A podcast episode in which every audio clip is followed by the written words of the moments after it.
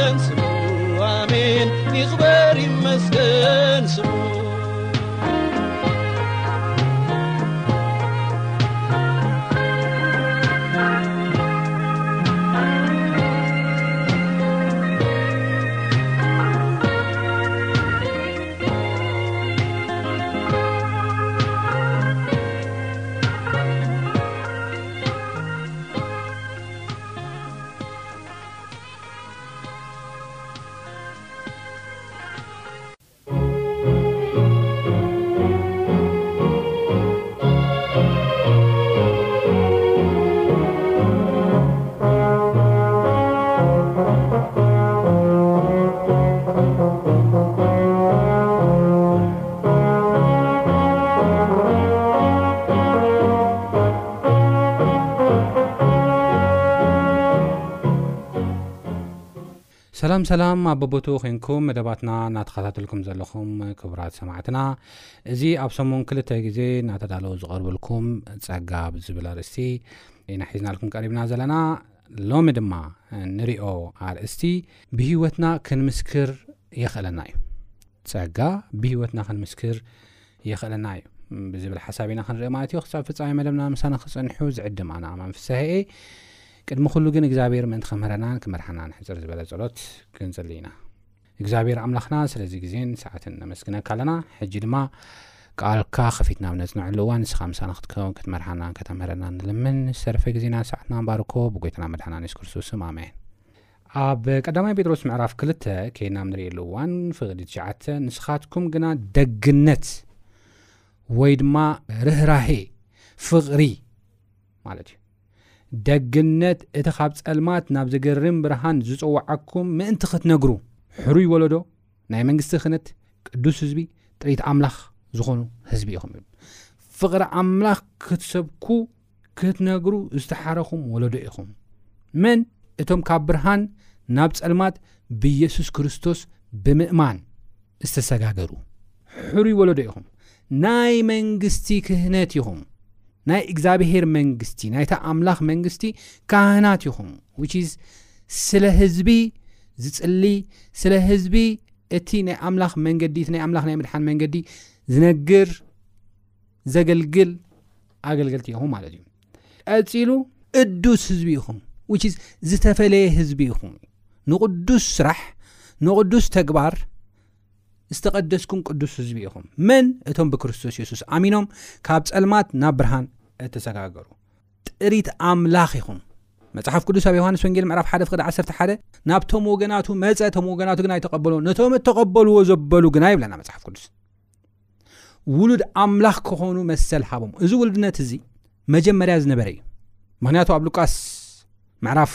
ክልተ ከይናብ ንርኢ ልዋን እንታይ እዩ ዝብለና ኣዳም ውሉድ ኣምላኽ እዩ ይብለና ሉቃስ ምዕራፍ ሰለስተ ናይ መወዳእታ ጥቕሲ ማለት እዩ ወዲ ኣዳም ምስ በለ ወዲ ኣምላኽ ይብል ስለዚ ኣዳም ወዲ ኣምላኽ እዩ ነይሩ ናይ ውልድነት መሰል ነይርዎ እዩ ወዲ ኣምላኽ እዩ ኣዳም ነገር ግን በቲ ዝሰራሕናዮ ሓጢኣት እዚ ናይ ውልደት መሰል ስኢናዮ ከም ዝነበርና ይነግረና መጽሓፍ ቅዱስ ማለት እዩ ነገር ግን በቲ ብክርስቶስ የሱስ ዝተገብረ ናይ ምድሓን ስራሕ እዚ ናይ ውልድነት መሰል እንደገና ከም ተመለሰልና ኢና ንርኢ ስለዚ ነቶም እተቐበልዎ ዘበሉ ብስሙ እውን ንዝኣምኑ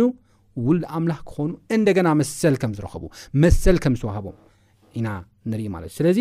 ውልድ ኣምላኽ ካብ ኮንና ጴጥሮስ ከኣ እንታይ ዝብለና ጥሪት ኣምላኽ እውን ኢኹም ናይ ባዕልኹም ኣይኮንኩምን መጽሓፍ ቅዱስ ኣብ ቀዳማይ ቆሮንጦስ ምዕራፍ ሰለስተ ከምኡ ሽዱሽተ ኣብ ካልኣይ ቆሮንጦስ እውን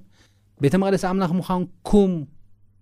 መንፈስ ኣምላኽ ኣባኹም ከም ዝሓድር ዶ ኣይትፈልጡን ኢኹም ምስ በለ ናይ ባዕልኹም ኣይኮንኩምን ይብለና እቶም ብክርስቶስ የሱስ ዝኣመኑ ካብ ጸልማት ናብ ብርሃን ዝተዛገሩ ሰባት ቤተ መቕደስ ኣምላኽ መንፈስ ኣምላኽ ውሽጦም ዝሓድር ናይ ኣምላኽ ጥሪት እዮም እምበር ናይ ባዕሎም ኣይኮኑን። ናይ ኣምላኽ ጥሪት ድማ ከም ገዛእ ፍቓዱን ከም ገዛእ ሓሳቡን ክኸይድ ኣይክእልን እዩ። ከም ፍቓድ ኣምላኽ ከምቲ ፍቓድ ዋንኡ እዩ ክኸይድ ዝግብኦ ማለት እዩ። ብዝኾነ እዚ ዓይነት ዓብዪ ዕዮ ተዋሂብና which is ናይ ክህነት ኣገልግሎት ንኻልኦት ፍቕሪ ኣምላኽ ናይ ምንጋር ኣገልግሎት ተዋሂብና ክነሱ እግዚኣብሄር ብዘይ ገለ ነገር ኣይሓደገናን። ኣብ ዝሓለፈ ትምህርትታትና ከም ዝረኣናዮ ጸጋ ከም ዝሃበና እዚ ጸጋ እዚ ድማ ነዚ ኣገልግሎት እዚ ንኸነከናውን ከም ዘዕጠቐና ከም ዘትጋሃና ተቃውሞታት ኩሉ በዲህና ብድፍረት ክንምስክር እውን ከም ዘኽእለና ርኢና ኒና ሎሚ ከዓ ብህይወትና ንባዕሉ ብቓላትና ዘይኮነሲ ብህይወትና ንባዕሉ ክንምስክር ይገብረና እዩ እዚ ኩሉ ዕጥቅታት ዘዕጠቐና እግዚኣብሄር ብቓል እቲ ትምህርቲ ከም ትጉህ ኣገልጋሊ ኮይና ክንሰብኽን ከነምህርን እዩ ታሽ ምስ ግብርና ናይ ሎሚ ኣርእስና ግን ብሂወትና ክንምስክር ብሂወትና ክንዛረብ ከም ዘኽእለና ኢና ንርኢ እዚ ኣገዳሲ ዝኾነሉ ዋና ምክንያት ንምንታይ እዩ እንተዳ ኢልና እቲ ንነብሮ ሂወትን እቲ እንዛረቦ ዘረባን ሓደ እንተደኣ ደይኮይኑ ምስክርነትና ፍረ ዘለዎ ክኸውን ኣይክእልን እዩ ፍረ ዘለዎ ክኸውን ኣይክእልን እዩ ጥራሕ ግን ኣይኮነን ማቴዎስ ምዕራፍ 21 ኬና ንሪኢ ኣለዋን ካብ ፍቅዲ 18 ክሳብ 22 ኬና ንሪኢ ኣለዋን ከም ዝብል ሓሳብ ንረክብ ንግሆ ናብ ከተማ ክመለስ ከሎ ድማ ጠመየ ይብለና የሱስ ክርስቶስ ኣብ ጥቓ መንገዲ ሓንቲ ኦም በለስ ርእዩ ናብኣ ኸደ ቈጽሊ ጥራይ እምበር ሓንቲ እኳ ኣይረኸበላን እሞ ደጊም ኣባኺ ንሓዋሩ ፍረ ኣየፍረ በላ እታ ኦም በለስ ብኡብኡ ነቐጸት ደቀ መዛሙርቱ ሪኦም እዛ ኦም በለስ ከመይ ኢላ ሕጂ ንሕጂ ነቐጸት ኢሎም ተገረሙ ኢየሱስ መሊሱ በሎም እምነት እንተልያትኩም እሞ እንተ ዘይተዋላወልኩም እዛ ኦም እዚኣ በለስ ከም ዝኾነቶ ጥራይ ኣይትገብሩን ነዚ ኸረን እኳ ተንስእ ናብ ባሕሪ ውደቕ ትብልዎ እሞ ከም ዝኸውን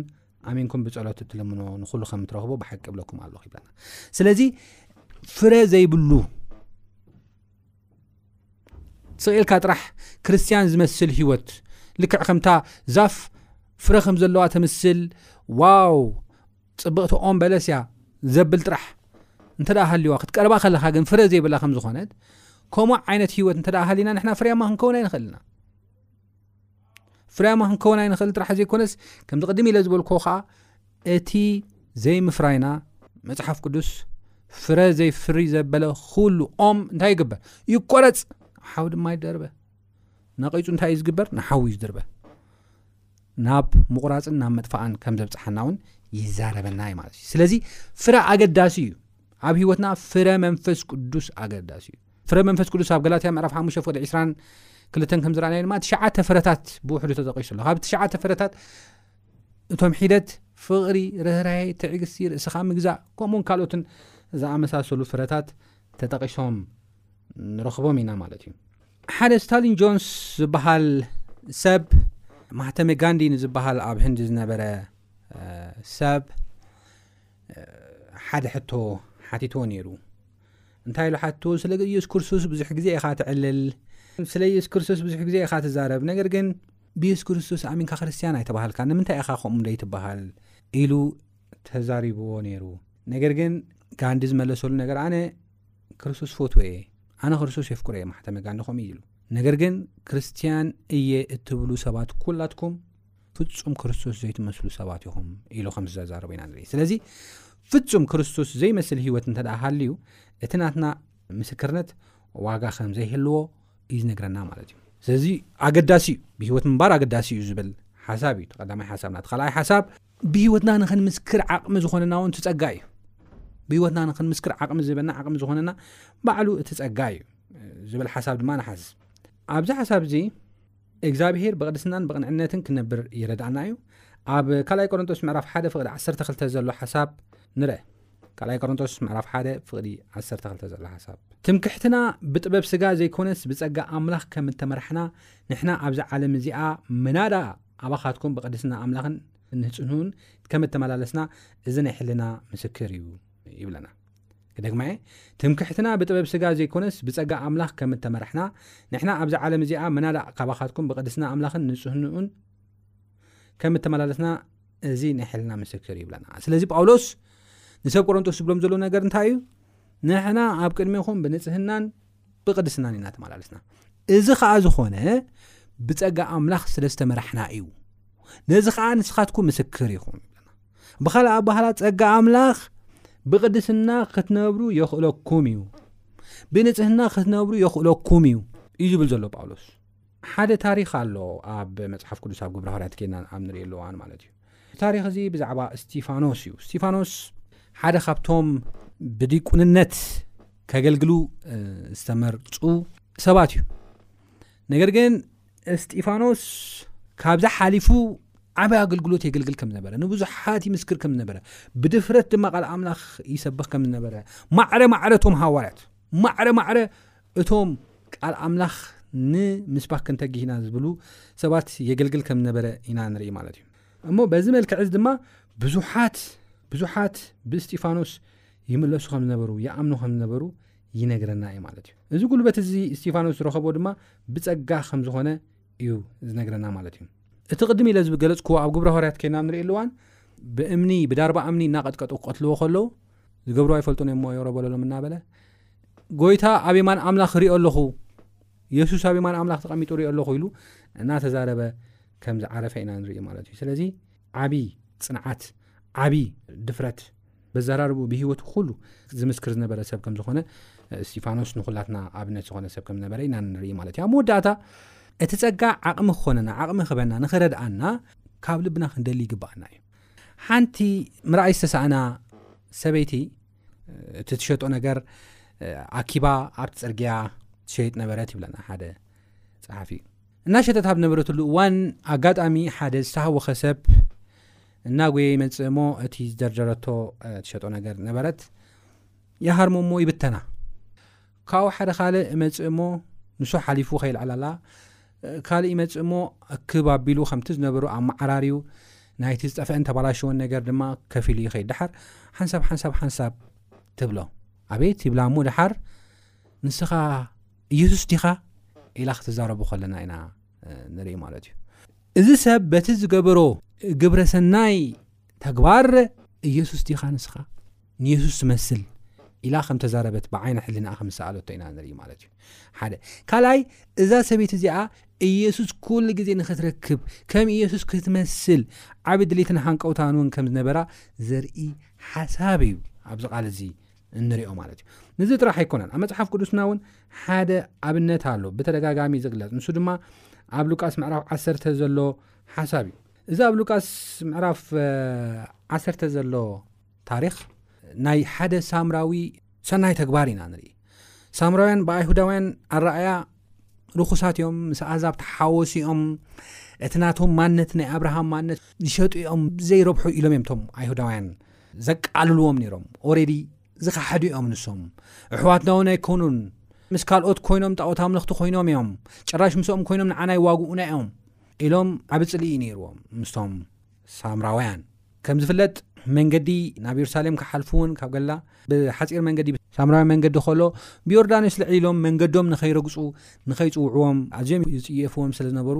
ይርሕቆም ከም ዝነበሩ ኢና ንርኢ ነገር ግን የሱስ ክርስቶስ ሓደ ታሪኽ ኣብ ሉቃስ ምዕራፍ ዓሰርተ ከም ዝተዛረበ ኢና ንርኢ እዚ ዝተዛረቦ ምናልባት ሓደ እቲ ኣብኦም ዘሎ ናይ ፅልኢ ግድግዳ ዓጊትዎም ዘሎ ናይ ፅልኢ እስራት ንዑ ክቐርፈሎም እዩ እቲ ካልኣይን እቲ ዋናን ነገር ድማ ክነገረና ዝደሊ ብዚ ሓሳብ እዚ እንታይ እዩ ሰናይ ተግባር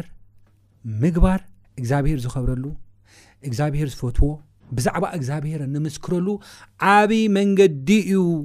ኢሉ ንምዝራብ እዩ ካብ ዝገርም እታ ታሪክ ክንሪኣ ከለና ሓደ ሰብኣይ ብኸተርቲ ተወቒዑ ኣብ መንገዲ ይወደቕ እዚ ዝወደቐ ሰብኣይ ግን ሌዋዊ ዝበሃል ሰብኣይ ይመፅእ እሞ ይርዮ ሌዋውያን እቲ ናይ ቤተ መቅደስ ስራሕ ንክሰርሑ ዝተፈልዩ ካህናት ንክኾኑ ዝተፈልዩ ርስትኹም እግዚኣብሄር እዩ ዝተባሃሉ ሰባት እዮም ክህነት ቀሊል ነገር ኣይኮነን ስለ ህዝብኻ ደው ምባል ማለት እዩ ስለ ህዝብኻ ምፅላይ ማለት እዩ ህዝብኻ ብዛዕባ እግዚኣብሄር ፍቕሪ ምንጋር ማለት ናብ እግዚኣብሄር ምቕራብ ማለት እዩ እዝን ካልኦትን ዓቢ ሓላፍነት ኣሎ ነገር ግን እዚ ሰብ እዚ ሌዋዊ ዝበሃል ዓቢ ሽም ሒዙ ነዚ ብኸተርቲ ተሃሪሙ ወዲቑ ዝነበረ ሰብኣይ ኣብ ሞትን ኣብ ህይወትን ዘሎ ሰብኣይ ቆሲሉ እናረኣየ እናተቐንዝወ እናረኣየ ርሕቕ ኢሉ ከም ዝሓለፈ ኢና ንርኢ ማለት እዩ ሓሊፉ ፈሪሳዊ እውን እመፅእ ፈሪሳዊ እውን መፅእ እሞ ድሓር እዚ ፈሪሳዊ እውን ፈላጣት ኢና ሕጊ ንትርጉም ኢና ሕጊ ነቲ ህዝቢ ንክሕሉ ብደንቢ ኣብቲ ሕጊ ንክፀንዕ እውን ክንገብር ንኽእል ኢና ኢሎም ዝዛረቡ ሰባት እዮም ብርግፅ ፈሪሳውያን ክበሃል ከሎ ንሕና ንባቢሎን ዝተማረኽና ሂስቶሪካሊ ክንሪኦ ከልና ማለት እዩ ንባቢሎን ዝተማረኽና ሰባ ዓመት ኣብ ባቢሎን ዝነበረ ምርኮና ናይ ምርኮ ሕማቅ ግዜና ሓሊፉ እውን ቤተ መቅደስና እተደፍረ ከይዲ እውን እቲ ኣብ ቤተ መቅደስ ነበረ ናውቲ ዝተሰርቀ ዝተበዝበዘ